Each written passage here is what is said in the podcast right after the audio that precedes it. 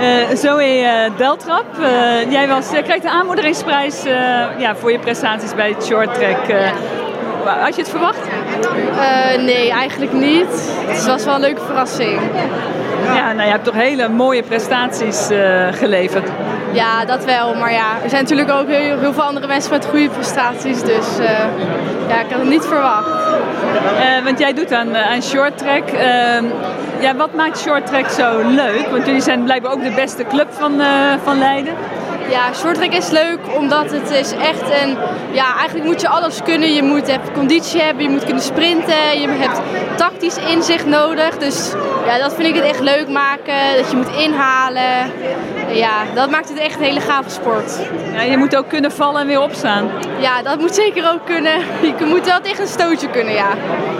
nu bij de World Cup, eh, de wereldbekerwedstrijden in Seoul, zie je ook weer eh, ja, mensen allemaal voortdurend onderuit. Vind je dat niet af te, ja, als kijken denk ik altijd van, oh jee, kijk uit. Uh, ja, wel een beetje.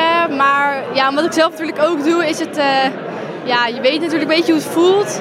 Maar ik vind het soms wel enger om mensen te vallen dan als ik zelf val. Want je hebt wel een beetje onder controle als je valt.